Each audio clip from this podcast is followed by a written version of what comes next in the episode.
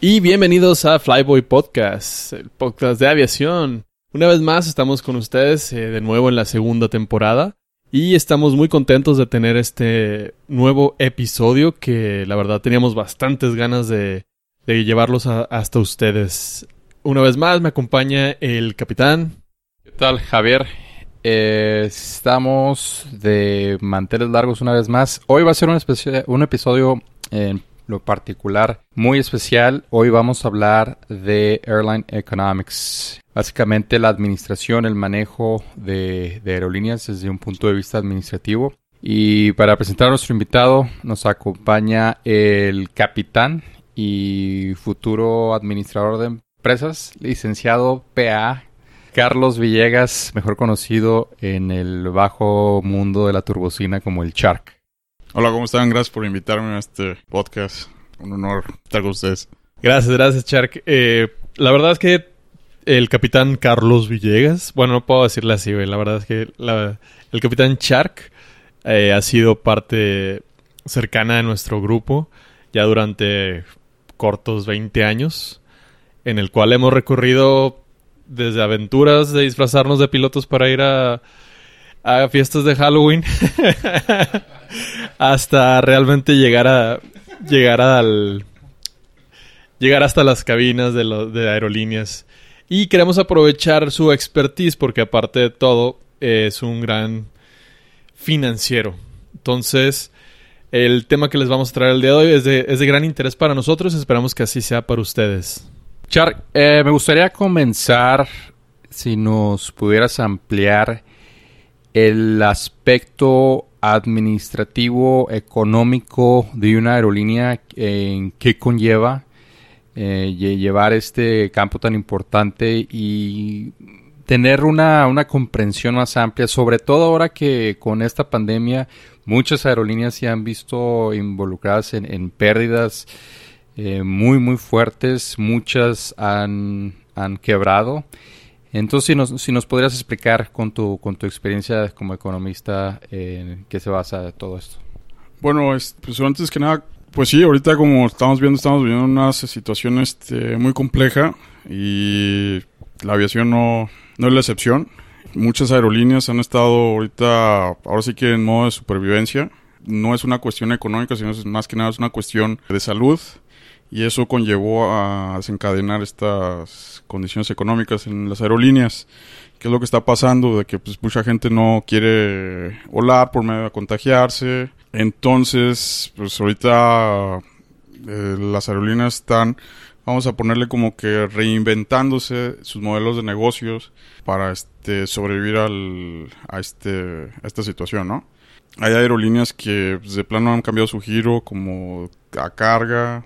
Ahorita podemos ver que las que han estado, que han tenido muy buen desempeño, pues son las de bajo costo. ¿Por qué? Pues por la situación económica. Es interesante ver qué va a salir de todo esto. Como repito, se tienen que reinventar las aerolíneas en su negocio. Muchas gracias. Ok, explícanos cómo funciona una aerolínea. Yo soy un cliente, un pasajero más. Yo lo único que sé es que para ir de punto A a punto B necesito comprar, quiero hacer la aclaración aquí que es un contrato. Mucha gente lo conoce como un boleto de avión. Y tengo que pagar un monto en específico que en dicho monto va van desglosadas varias varios puntos ahí que, que ahorita tú nos vas a comentar. Eso vendría siendo el ingreso de la aerolínea. Las aerolíneas tienen otros ingresos y por el otro lado, ¿cuáles serían los gastos? E- En general, ¿cómo sería la, contabilidad de, una aerolínea? Bueno, ahí entra lo que viene siendo el famoso reven- eh, Revenue Management. Lo que hace la aerolínea es ahora sí crear el sistema de cómo, en dónde va a maximizar sus gastos. Este, obviamente, como sabemos, parte del con- contrato, vamos a ponerlo boleto para no ponerlo muy, este, muy avanzado, muy legal. Es, viene el boleto desde, te están cobrando ya lo que viene siendo el famoso TUA aquí en México, la tarifa de uso aeroportuario, te están cobrando el seguro, están cobrando tu cuota de combustible y este, pues, como nada, pues hay un servicio que tiene que ganar la, la aerolínea, ¿no? Lo que tiene que ser la empresa y muchas veces también los de las que vienen siendo las low cost, pues es donde empiezan ahora sí lo- los cobros extras del servicio que quieres, si quieres ir más adelante, tu equipaje extra, este, si quieres abordar primero, todo eso, esos son los extras en donde la aerolínea puede sacar este ingresos ingresos para ellos. Es por eso que, por ejemplo, en esta situación, ahorita las aerolíneas de bajo costo es donde están sacando provecho. ¿Por qué? Porque ellos ya tienen desde desde antes, pues ya tienen ese modelo, ¿no? De estarte cobrando muchas cosas. Entonces, lo que está haciendo, lo que están haciendo ellos es aprovechar ese, esos ingresos para poder este, reinvertir más y tener un crecimiento. Mucho hemos visto del modelo de negocios y de lo óptimo de cómo maximizar los, los costos y minimizar los riesgos. Que cabe destacar que durante una pandemia, pues, a pesar de que existieran eh, modelos preestablecidos, pues todos empezaron desde atrás, desde cero, es más menos uno, al tener que estar improvisando y enfrentándose a algo que la aviación en su historia había vivido ya que la humanidad sí había sufrido de pandemias, pero la última de 1919, pues no, no, no le afectó a la aviación co- como tal. Pero, ¿tú cuál consideras que sea la, el, el mejor perfil humano para poder sacar adelante este tipo de, de, de- de logros que se necesitan? ¿Qué, qué crees que las, las empresas necesiten maximizar hoy en día en cuestión de su talento humano? Bueno, más que nada ahorita lo que necesitan, ahora sí que en general todas las empresas para sobrellevar una una este, crisis como esta, pues es lo que viene siendo el liderazgo, ¿no? Eh, es muy importante que la dirección de la empresa, ahora vamos a poner como la aerolínea, tenga muy claro el camino que a dónde quiere llevar a la, a la empresa, ¿no? Dentro de pues 20 años, eh, un periodo grande, ¿no?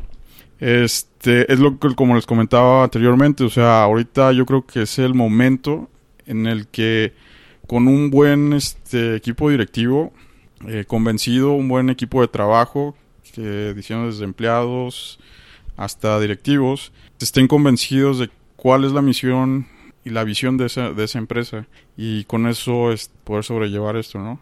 Podemos ver el caso de ahorita de, de Southwest, pues ahorita ellos básicamente son la aerolínea menos apalancada en Estados Unidos. Y pues ahorita no, no tienen muchos problemas como vemos de Delta o de American Airlines que sí están súper apalancadas. Pero pues la situación es de que ellos tienen un muy muy buen liderazgo por parte de la dirección. Para el ciudadano promedio, ¿podrías explicarnos a qué te refieres con apalancar? El nivel de deuda de la, de la empresa. Ahorita lo que se está viendo mucho es de que lo que va a salir la pospandemia es de que las aerolíneas van a salir, o las que sobrevivan, van a salir muy, muy este, endeudadas. Están tratando de conseguir deuda por todos lados para poder sobrevivir. Entonces eso es lo que, lo que está viendo ahorita. Una de las situaciones que está también ahí de las pro- probables consecuencias de ese endeudamiento es de que pues al último el que tiene que pagar esa deuda pues va a ser el, el pasajero, ¿no? Entonces probablemente van a subir las tarifas, va a ser caro y como te lo repito, ahorita los modelos de low cost son las que no se están endeudando mucho, te van a mantener la tarifa baja. Como dice el, el dicho, quieres ser millonario, primero tienes que ser billonario y después poner una aerolínea y luego ya eres millonario. ¿Nos puedes explicar por qué poner una aerolínea es tan caro? Mira, ahorita hay algo que, que ya es un hecho, que la aviación ya es algo esencial para nuestra vida cotidiana. Sí, ya la gente se necesita transportar, ya dejar eh, transportar más rápido, ya piensan mil veces eh, en irse en camión, sí. Entonces ahorita si tú inviertes en lo que viene siendo transportación y un transporte más rápido, pues obviamente vas a tener mucha demanda, ¿sí? Ya han habido, este, se han aumentado los, como han visto, pues han aumentado este, el número de tráfico, sobre todo aquí en México. ¿Por qué? Porque ya se está empezando a reemplazar ese, ese tipo de, de transportación, ¿no? Ya lo están utilizando. Y pues realmente tener ahorita una aerolínea pues va a ser el, el hitazo. Yo recuerdo que hace unos, híjole, no sé, unos 10, 15 años, la frase muy común dentro de los especialistas de aviación es que, por lo menos en México, los vuelos de menos de 500 kilómetros no eran rentables, que necesitaban ser vuelos más largos. Pero yo creo que mucho de lo que tenía que ver en ese sentido era que no hay aeropuertos en México. Entonces tenemos una, una infraestructura muy limitada y deficiente. O sea, de lo que tenemos está mal y, poquito. El doble, doble, double whammy. Pero no, es un, o sea, es un hecho que la aviación se va a seguir posicionando como un esencial por los tiempos y por la conexión global que, que necesitamos hoy en día. Bueno, la pregunta, digo, yo sé que no va directamente relacionado a eso, pero ¿qué tan redituable en realidad es para los gobiernos invertir en la creación de infraestructura aeroportuaria? ¿Y por qué consideras tú que para nosotros no lo ha sido tanto?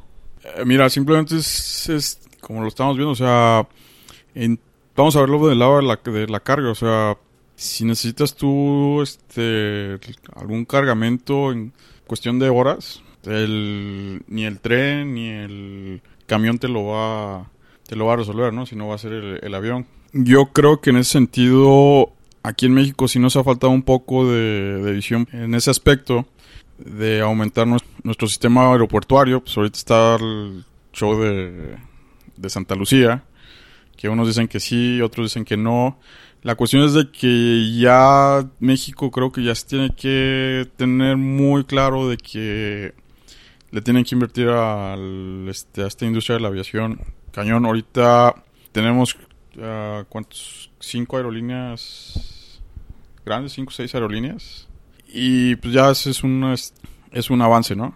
Ya lo que sigue son los sistemas aeroportuarios. Como vemos aquí en Chihuahua, pues están abriendo lo que viene siendo Krill. Krill están abriendo un aeropuerto lo iba a operar, al parecer lo iba a operar Aeromar. Pero es es súper, súper importante. En Estados Unidos, realmente si necesitas el, una carga rápida, vamos a ponerlo acá en, ¿cómo se llama? Los Ángeles Santa Teresa, lo puedes hacer sin broncas, ¿no? Y en México, pues, si necesitas la carga en, no sé, vamos a ponerlo aquí de, en Parral, pues tiene que llegar primero a Chihuahua y luego tienes que llevárselo en camión a Parral, ¿no? Esa es la, la, situación de que necesitamos ampliar ese sistema aeroportuario. ¿Crees que las aerolíneas, ahorita que acabas de comentar, cuántas son, eh, satisfacen la, la, demanda de la necesidad del, del, mexicano, por, por, así decirlo, de, de, viajar? ¿O crees que hay un nicho ahí que todavía se puede eh, descubrir o innovar en, en, cuanto a una, una demanda que no está atendida? ¿Crees tú que las aerolíneas contemplan en su totalidad eh, la necesidad de, del viajero? Mira, si nos vamos a lo que viene siendo, ahora sí que el prepandemia, las, las aerolíneas estaban manejando un muy buen factor de ocupación, están arriba del 85, del 85%. Te digo que la cuestión es de que yo creo que lo que necesitan más es, es tener conexiones regionales, vaya. Sí. De que estén conectando los hubs, como bien en Guadalajara, México, Monterrey, todo pero con ciudades regionales del mismo estado, como lo podemos poner en, en Chihuahua, aquí que lo conocemos, y que puedan ser regionales, de que, ¿sabes que Llego a Chihuahua y me puedo ir en avión a Delicias, me puedo ir en avión a Cuauhtémoc, Casas Grandes. Si me entiendes, algo que en Estados Unidos lo han estado manejando, como ustedes que hemos hablado, ya hay aerolíneas pequeñas regionales que te llevan a, a este, este tipo de aeropuertos, ¿no? De regionales. Y yo creo que eso es lo que también nos hace falta a nosotros este, desarrollar aquí en lo que viene siendo la visión en México. Perfecto, a este punto quería llegar. Vamos a suponer que México cuenta con la infraestructura que, que estás mencionando. Tú, como, con tu experiencia como administrativo, como economista, pero sobre todo como piloto que estás en el campo de la operación para satisfacer e, esta, este nicho que acabas de mencionar. ¿Cuál crees tú que sería el, el avión indicado y, y, cuál sería tu, tu, plan de negocios? Vamos a suponer que se te eh, otorga un AOC y Shark, ¿qué harías tú? Bueno, mira, antes que nada, por ejemplo, te voy a poner un caso en Estados Unidos. Perdón, es el lugar donde yo más he estudiado. Cuando iniciaron, este, ahora sí que la aviación en Estados Unidos, más que nada era de correos, ¿sí? Manejaban correos. Este, ya, por, ya después ya empezaron a regularizarse, empezaron correos, empezaron los pasajeros, empezó ya la carga real. Es, pero lo que tenían mucho ellos era de que el aeropuerto, muchas de las veces lo, el que desarrollaba ese aeropuerto era la misma aerolínea.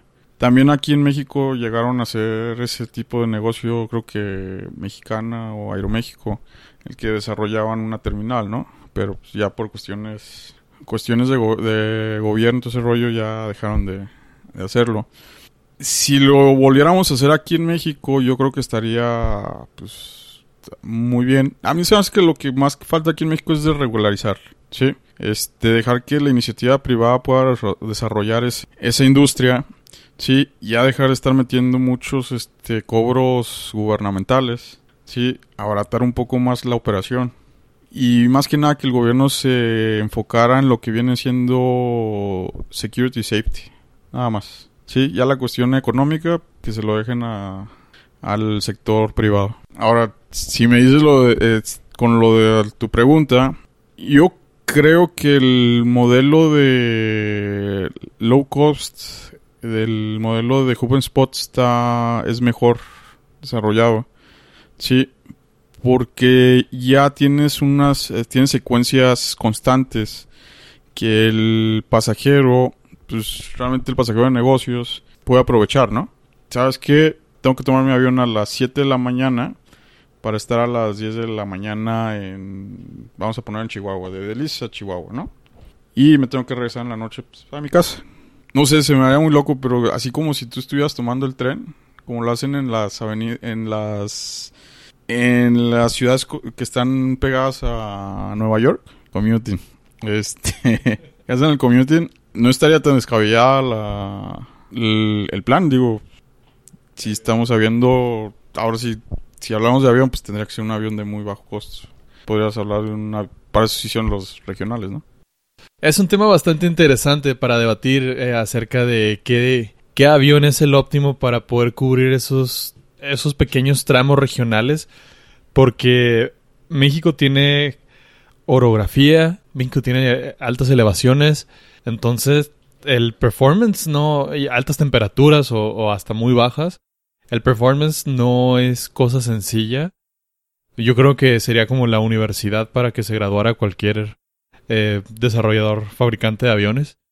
Porque, digo, eh, la experiencia que yo tuve al trabajar en una regional desde tierra, en Alma del, del, eh, ¿qué? Del no, de México, fue que el CRJ 200 le dolía, pero hasta las amígdalas cuando la temperatura subía a 32 grados. Y para llegar a ciudades como en el norte del país, por ejemplo Juárez, pues 32 grados en verano lo alcanzas cuando son las 9, 10 de la noche. Antes del avión no salía y e, era un dolor de muelas poder sacar ese pobre avión. Salía muy limitado. Entonces, sí, sí es un tema a debatir. Eh, digo, por mí fuera pues que hubiera puros, no sé, puros caravans y, y puros, este, Embraer 145 volando rápido por todos lados, pero pues a veces no da. Mira, yo creo que ya lo de la cuestión del performance del avión, eso lo puede, lo, se puede ver, ¿no? O sea, eh, yo creo que alguien o algún fabricante o algo así te va a cubrir esas necesidades ahorita. La cuestión es de que haya esa, esa conectividad. Yo creo que es un nicho muy bueno este que lo que lo puedan implementar aquí en, en México y créeme que la ayudaría mucho en el desarrollo del, del país. Cuando te referías al commuting, tú estás sugiriendo que todos los suburbios que están cerca de las ciudades principales de los estados viajen a través del tren y una vez que estén en las capitales o en las ciudades grandes viajen en avión. ¿Ese, ese es tu, tu modelo? Pues realmente es, es de que la persona se pueda trasladar de forma rápida al centro, ¿no? Como vemos, por ejemplo, aquí en México, pues no tenemos mucha, muy buena esta infraestructura carretera, ¿verdad? Entonces, fíjate, es interesante en Colombia. Vaya, Colombia que también tiene, no tiene mucha infraestructura carretera. Ellos ahorita ya están desarrollando ese sistema de, de Realmente tienes detrás de la, de la cordillera, tienes una ciudad y trasladarte por carretera pues es es hasta peligroso, ¿no? Entonces, ¿qué es lo que están haciendo ellos? Pues están desarrollando el community en base de aerolíneas regionales. Eso yo creo que es muy interesante y que algo que lo pueden implementar aquí en este en México. Que vamos a, suponer eh, que para dar un ejemplo, eh, un avión regional, un ATR o un un Embraer 170. Chihuahua Delicias. Eh, desde tu punto de vista economista financiero, ¿crees que sea algo, algo viable? ¿O sería más económicamente hablando más factible tener el, tren que mencionas? El, problema del, del, tren serían este la modificación ¿no? a toda la orografía, las concesiones, o sea, ya son otros terrenos que, que están, están fuera de, de, la OC de, una aerolínea, ¿no? Mira, simplemente lo podemos ver en el ejemplo de Santa Teresa. ¿Qué es lo que hicieron ellos ahorita? Pusieron el, en el aeropuerto, pusieron una estación del tren, pusieron una estación de tren luego, luego, ¿no? ¿Qué es lo que pasa muchas de las veces? Y me ha tocado cuando he estado en, la, en operaciones ahí en el aeropuerto. Necesita la maquila, necesita una pieza de forma urgente porque si no pueden parar la producción en cuestión de horas. ¿Qué es lo que necesitan ellos? Conectividad. Me, han me ha tocado veces de que hay personas de, de la maquila que hasta helicóptero están buscando para trasladar la pieza. ¿Qué te está hablando de que no hay la suficiente infraestructura aquí en México para que puedas satisfacer esa necesidad, ¿no? Y en Estados Unidos, ¿no? En Estados Unidos, ¿qué es lo que está qué es lo que hacen allá en, en Santa Teresa? Hay muchas maquilas, ¿no? Simplemente sabes que tengo la opción del tren o tengo la opción del avión. No, pues que lo necesitamos en 15 horas. ¿Sabes qué? Contrátame un avión acá en, en Santa Teresa y ya, fin de la discusión, ¿no? Y en México no. En México no tienes opción, o sea, a ver cómo le haces. Que... Sí, ¿por qué? Porque pues el tren, quién sabe cada cuándo pasa. Y el avión, pues ya te imaginas lo que, lo que sale, ¿no? Porque no hay muchos que tengan ese servicio de transporte de carga. Creo que el problema en México radica que están, o sea, están las dos partes. Las aerolíneas no pueden crecer porque no hay infraestructura y no se crea infraestructura porque no hay aerolíneas. Y creo que es el, juego, el jueguito de nunca acabar que lamentablemente pasa en nuestro país. Como dices, industria maquiladora hay, se requiere. La industria de carga debería ser muchísimo más empleado en México en cuestión aeronáutica, pero no hay a dónde llegar. Pero después te dicen es que no construyen nada porque no hay nadie que venga. Y lo, pues ¿cómo va a venir? Pues si no sé, nadie, nadie se ofrece. Y es el juego del ping-pong. Me gustó mucho lo, lo que mencionaste que una de las soluciones más viables es que la autoridad se dé un paso para atrás y se concentre en safety y security. Ah, para la, gente que no está familiarizado, safety y security se refiere a la seguridad operacional y la seguridad, ¿cómo lo podríamos decir? La seguridad de aeropuertos, la seguridad en cuestión de, ley, de, terrorismo, de ese tipo de seguridad y la seguridad operacional de que las aerolíneas, de que las empresas cumplan con las normativas de mantenimiento, eh, cursos, etcétera, etcétera. Eh, sí, me, sí me gustaría bastante que las, las empresas inviertan, bueno, en general, la industria privada le invirtiera más a la, a la aviación en México, pero pues sí es bastante complicado. ¿Hace cuántos años los aeropuertos en México se, se le asignaron al sector privado. Y tampoco esa ha sido la panacea, digo, el aeropuerto de Juárez que le, lo opera OMA, pues recientemente tuvo una remodelación de Legos, donde nomás le, le, pusieron dos o tres parches, pero pues cuestión de operación no, no, no le han invertido nada. Entonces, creo que es un tema bastante complicado de, de, tomar una postura porque el ejemplo que tenemos de la iniciativa privada tampoco ha generado ese gran cambio cuando tuvieron la oportunidad. Y pues es un ping-pong, lo sé, pero sí, no sé, no sé cómo podríamos eh, simplificar esto. Ahora yo tengo una pregunta para Chark. Tú que trabajaste en OMA, todos sabemos que, que las modificaciones que le hicieron al aeropuerto aquí en Juárez fue simplemente de hacerle una terminal aérea eh, diseñada en los 60 aproximadamente, se convirtió en un centro o en un mini centro comercial. Sin embargo, las dos posiciones de toda la vida siguen ahí, las mismas calles de rodaje, la misma pista, el mismo board, fuera de lo que es la terminal de pasajeros no ha cambiado absolutamente nada. Mi pregunta es, OMA como operadora de, del aeropuerto, ¿tiene jurisdicción en cuanto a las instalaciones operacionales del aeropuerto? Sí. Mm, bueno, dependiendo de lo, que la cuestión de operacionales te refieres a pistas, calles rojas. Sí, o sea, en ese sentido, sí, ya lo del sistema de navegación lo lleva CENEAM, nada más ahora sí que el que está ahí es pues, la comandancia, que es lo que lleva los trámites legales. Pero en sí lo que vienen siendo pistas, este, calles de rodactos, eh, son de, de la jurisdicción de OMA. Yo creo que lo más importante aquí, y me vuelvo a ir a, a Estados Unidos, perdón que me vuelvo a ir ahí, es que realmente te puedes ir también a en Europa y son cuates que para ellos la aviación es hasta una ciencia. Yo creo que los aeropuertos deberían de ser, no sé, de, una empresa municipal o así, de que, que no esté centralizado en otra ciudad, ¿no? O sea, que la, el crecimiento del aeropuerto se dé en base a gente que, sea de aquí, de la región porque pues es que era clásico, por ejemplo, en Noma de que, oye, pues no necesitamos arreglar el, la calle de rodaje. Y no, pues que están viendo allá en Monterrey, que se está viendo, que no lo están, lo están checando, que no hay presupuesto, ese rollo, ¿no? Y se me hace como que es mejor de que pues, lo que el ingreso que saque el, mismo aeropuerto, aquí local, lo vean ellos y sabes que necesitan esto y se puedan tomar las decisiones más rápidas, ¿no? Y no estar dependiendo de una central. Porque en este caso, como lo comentas, hasta es ilógico, ¿no? O sea, una operadora de un aeropuerto que no invierte en infraestructura operacional, pues no va a incrementar sus operaciones y al no incrementar sus operaciones va a tener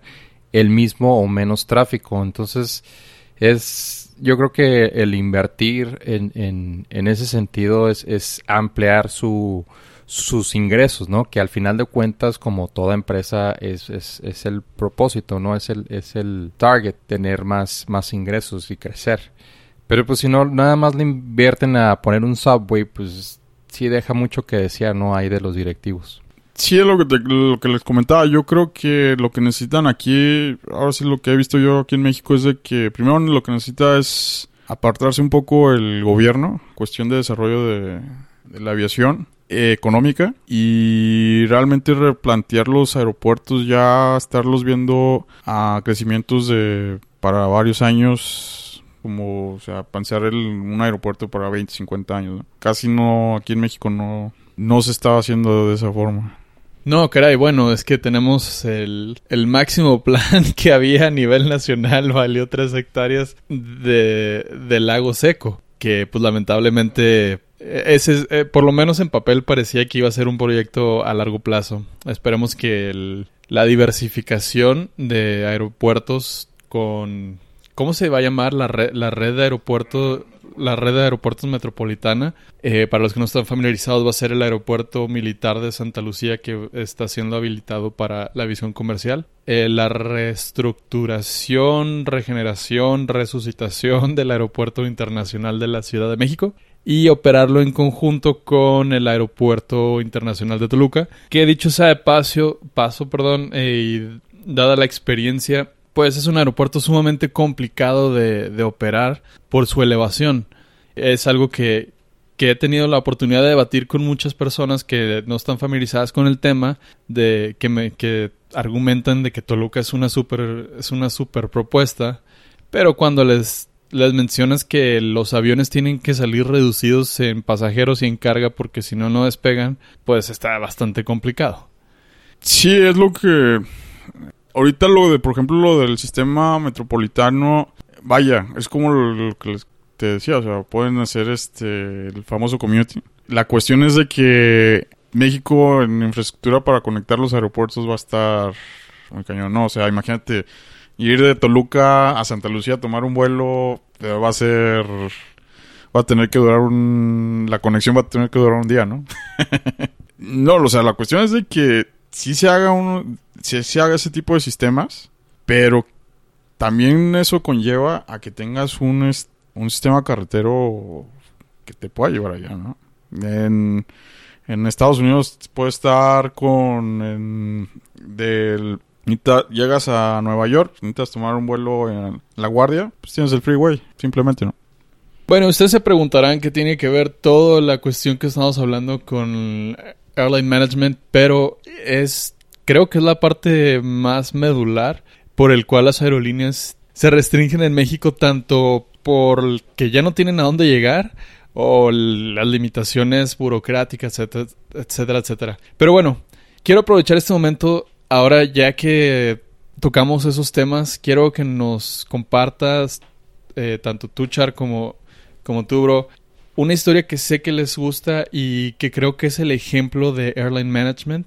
Si nos pudiesen contar a, mí y a todos nuestros escuchas la historia de Southwest, cómo se creó, dónde nació, por qué hay una servilleta enmarcada en las oficinas y todas esas eh, míticas y fabulosas eh, aventuras desde que los 70s, desde los 70s.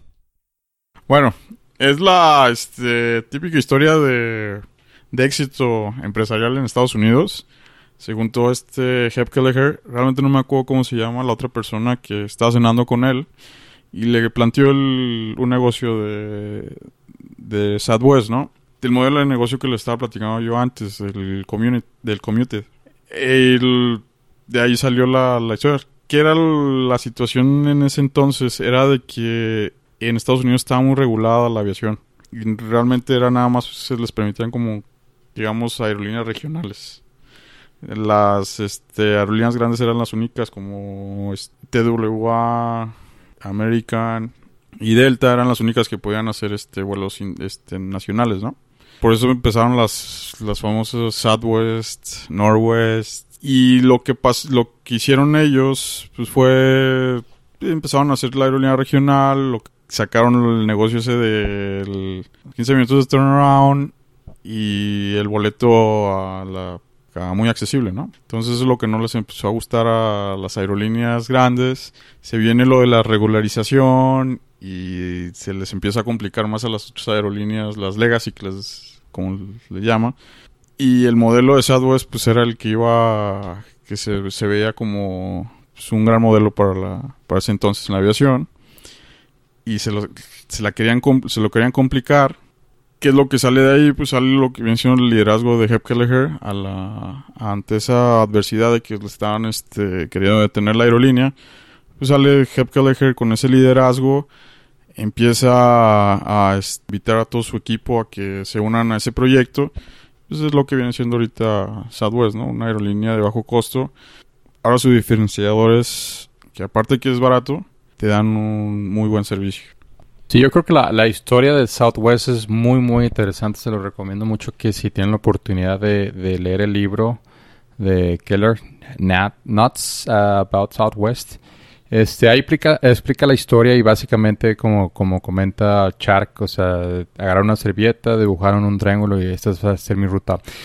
Sin embargo, lucharon contra cielo, mar y tierra, sobre todo en el Congreso, porque en ese momento ellos iniciaron en Dallas Love y estaban construyendo Dallas Fort Worth, el aeropuerto, de una inversión muy, muy, muy cara y a la cual forzaron a las aerolíneas a, cambiarse a, a Forward. Sin embargo, Southwest no quiso. Y el castigo fue que no, no tenían vuelos interestatales saliendo de Dallas por muchísimos años hasta que reformaron ahí la, la ley a su favor. Entonces tenían que salir de Dallas hacia otro punto y desde ese otro punto dentro del estado de Texas podían ya volar a, cualquier estado en, Estados Unidos. Eh, en esa época y hasta hace no mucho se, basaban solamente en vuelos domésticos, vuelos nacionales. Y otra cosa interesante fue el, eh, dentro de su modelo de negocios que se eligieron solamente un avión y tuvieron un modelo de avión y ese modelo de avión en la fecha existe por ellos. El 737-200 en esa época eh, se ofrecía como una alternativa para aeropuertos cortos, tránsitos rápidos. Si se fijan, el 737-200 es un avión chico, es un avión bajo que no necesita de, de equipo de tierra. Tú puedes ver el compartimiento sin necesidad de escalera y bajar y darle servicio todo al avión muy muy rápido. Entonces al elegir ese avión Southwest expandió más allá su, su modelo de negocios y no tuvo tanta, tantos costos operativos como otras empresas que, que se inclinaban por tener una, una, variedad en el equipo. Ahora, todos los programas desarrollados a partir del 200 fueron por Southwest. Ah, tal cual Boeing en, charola de, plata recibía los requerimientos operacionales de Southwest y por eso se creó el 300, por eso se creó el, NG, ahora el MAX. Eh, ya ahorita ya hay más, más aerolíneas que influyen, pero si le pueden poner un sello a avión es de Southwest. Hay una leyenda, no sé si sea verdad, pero es una leyenda urbana que probablemente tenga su nacimiento en algún punto, pero mencionaron en en algún lado que el, uno de los grandes éxitos de Southwest fue que compró mucho combustible a futuro y que eso ayudó a, a sobrellevar unos, un incremento en el costo del, del, combustible que limitó a las otras aerolíneas convencionales. ¿Qué tan cierto fue eso? ¿Qué tan mito? ¿Debo dejar de estar viendo esas páginas ya? ¿O, o qué, cómo funciona esto? Este, sí hicieron lo que viene siendo el hedging de, del fuel lo puedes ir, como le dirían, este, compra de futuros de, petróleo. Ahorita muchas aerolíneas lo hacen y yo creo que ahorita que estaba el petróleo casi negativo, bueno, que se fue a negativo en un momento, te aseguro de que estaban como locos comprando comprando ese, esos contratos. Porque pues nada más lo que hace es de que te asegura el precio a un futuro a ese precio definido, ¿no? Y ahorita te ayudaría mucho, güey. Si llegaron a... Había... Te llegué a escuchar de una aerolínea que cuando estaba el, el precio del petróleo casi en 90, este, pensaban que iba a subir más y compraron en ese momento y se vino la baja y pues, te imaginas, es muy riesgoso, ¿no? Pero pues para eso ellos manejan los modelos de, de hedge. Muy interesante y creo que al final del día Southwest es ejemplo para la mayor cantidad, más, bien para toda la industria, porque creo que no hay modelo de negocio más exitoso que ellos. No sé si Ryanair en Europa, que también son altamente eficientes o por lo menos son altamente reconocidos por ser camiones con alas y llegar hasta donde, donde los demás no. Tengo una pregunta técnica, aprovechando de que estás aquí, las finanzas y el management. ¿Qué sucede con estas empresas que se declaran en Chapter 11 en Estados Unidos? Tanto las americanas como las empresas mexicanas que se declaran en Chapter 11, ¿qué significa? Porque eh, estuvo sonando mucho tiempo en las noticias nacionales porque Aeroméxico se declaró en Chapter 11 en Nueva York. Y digo, hay muchos entusiastas de la aviación que somos entusiastas de la aviación, pero de finanzas no conocemos ni nada. ¿Es importante, no es importante, riesgoso? ¿Qué representa? ¿Qué significa para, en, simple español, un Chapter 11, eh, tanto para las americanas como las mexicanas? Mira, ahorita este, que están teniendo problemas de liquidez las, las aerolíneas. vamos a poner el problema de la situación de Aeroméxico. Eh, el Chapter 11 fue como que una opción para ellos. Eh, vaya, el Chapter 11 es una opción para una empresa que no puede pagar sus adeudos, va con un juez en Estados Unidos y se, ¿cómo se llama? Abre un caso en, de capítulo 11, ¿sí? ¿Qué es lo que va, qué es lo que van a hacer? Básicamente lo que está diciendo la empresa es, ¿sabes qué? No puedo pagar, ahorita no les puedo pagar a mis acreedores, quiero reestructurar esa deuda que tengo con ellos, pero pues obviamente lo voy a tener que hacer, mm, lo tengo que hacer de una forma legal, ¿no? Entonces están yendo con el juez, el juez dicta la sentencia y dice, ok, van a estar en Chapter 11. Y conforme va al juicio, decir, sabes que pues estos son los este, términos en los que te van a pagar, esto es lo que van a hacer. No es algo, vaya, al fin y al cabo, ahorita que está diciendo Aeromeco, pues no puedo pagar la, mi deuda. Digo, no es una cosa óptima, pero es algo, vaya, sano para que no se crean más problemas a futuro. Muchas empresas lo están haciendo ahorita, especialmente aerolíneas, se protegen en el capítulo 11. Te voy a repetir, no es de que no puedan pagar, nada más de que van llevan un orden cómo van a pagar. Sabemos que uno de los gastos más grandes en las aerolíneas es el combustible. Es un gasto que ocupa a veces más del 40 al 60% de su operación. Tú como capitán con experiencia en, equipo 320, tanto CEO como NIO, ¿cuál es la diferencia en cuanto a consumos?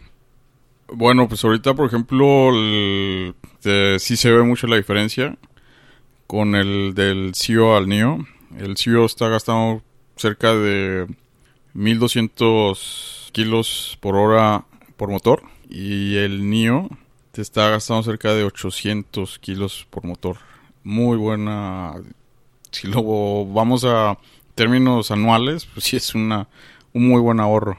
Yo creo que ahorita la, los retos de una de, de las aerolíneas va a ser de que tengan que estar cambiando sus equipos para equipos de alto rendimiento, sí, que les ahorre mucho combustible, pues porque les va a ayudar, vaya, en un futuro.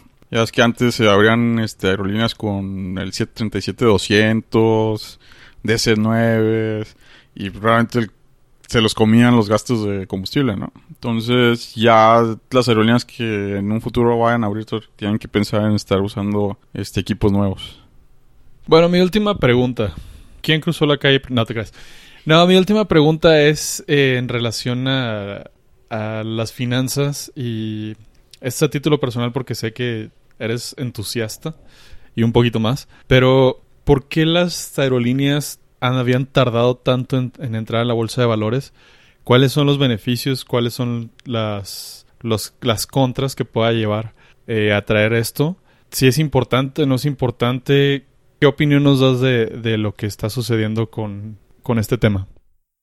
Bueno, referente a tu pregunta del mercado, este, muchas aerolíneas han estado en la bolsa de valores por muchos años. Te digo, es para una empresa en general entrar a la bolsa es una forma de capitalizarse, sí.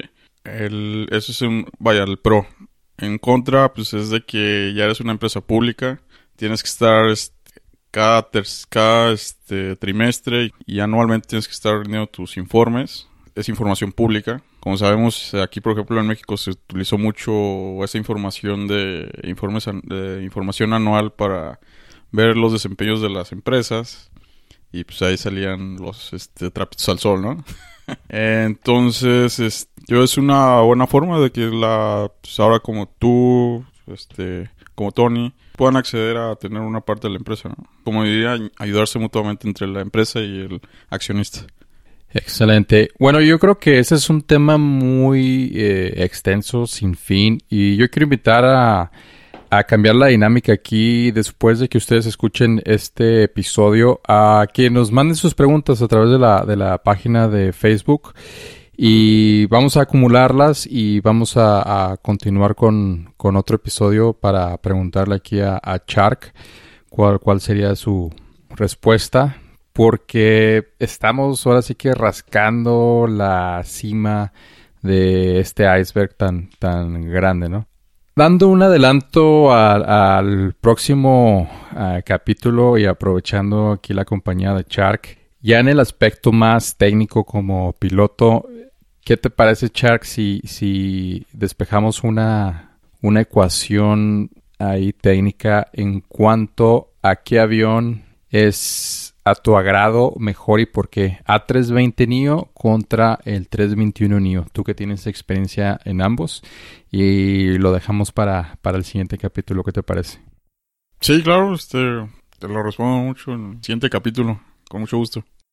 Bueno, eh, queremos eh, darle las gracias a nuestro colaborador de, en este episodio, el capitán Carlos Villegas, que digo, ya que no, no hubo esa esa aclaración desde un principio por parte de él porque es eh, una persona muy sencilla, pero eh, su capitán del Airbus 320 y familia a través de Interjet con mucha experiencia y también hemos tenido la oportunidad de, de volar en la aviación privada en Estados Unidos.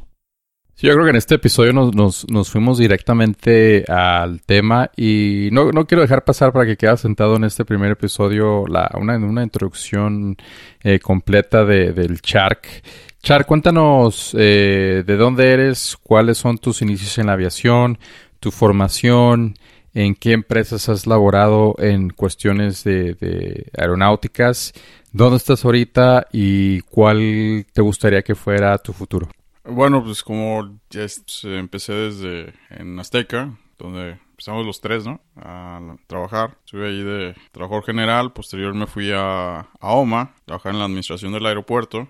Regresé a Azteca en despacho y posterior no, me fui de jefe de aeropuerto de Viva Aerobús, en la misma estación en Ciudad Juárez. De ahí me fui a, a la Ciudad de México y este y entré a Interjet, donde estuve, ahorita llevo ya siete años volando. Pues más que nada lo que me gusta mucho es ver lo que es el ámbito de negocios de las aerolíneas. Es como que mi fuerte. He tenido el privilegio de conocer varios puntos de vista, desde las personas que trabajan en rampa hasta los que llevan la operación aérea. Eh, y me ha servido mucho de experiencia y espero en un futuro utilizarlo todo eso ya en un puesto administrativo. Muchísimas gracias y como menciona mi hermano, esto nada más es raspar la superficie de vidas tan complejas y tan extensas. Eh, estoy muy de acuerdo. Al siguiente episodio podemos eh, extendernos más acerca del 320-321 como una secuela de, del capítulo que, ya tuvimos acerca de este avión, complementarlo con la experiencia y las aventuras del Capitán Shark. Eh, no sé si gusten decir algo más para despedirse. No, una vez más, muchas gracias por su atención, por acompañarnos. Esperamos que este podcast eh, tan particular, porque no mm, son muy pocos los podcasts de aviación que, he escuchado yo que hablan de este tema de la economía de las aerolíneas. Y una vez más agradecerles por su compañía. Ay, muchas gracias por invitarme. Todas sus Claro que sí, vamos a dejarles aquí también el, en nuestra página de Facebook o en nuestras redes sociales cómo pueden contactar al Capitán Char para mayores este, consultas financieras o preguntas técnicas. Sin más, por el momento les queremos dar las gracias por habernos acompañado hasta este momento. Muchísimas gracias. Adiós, adiós.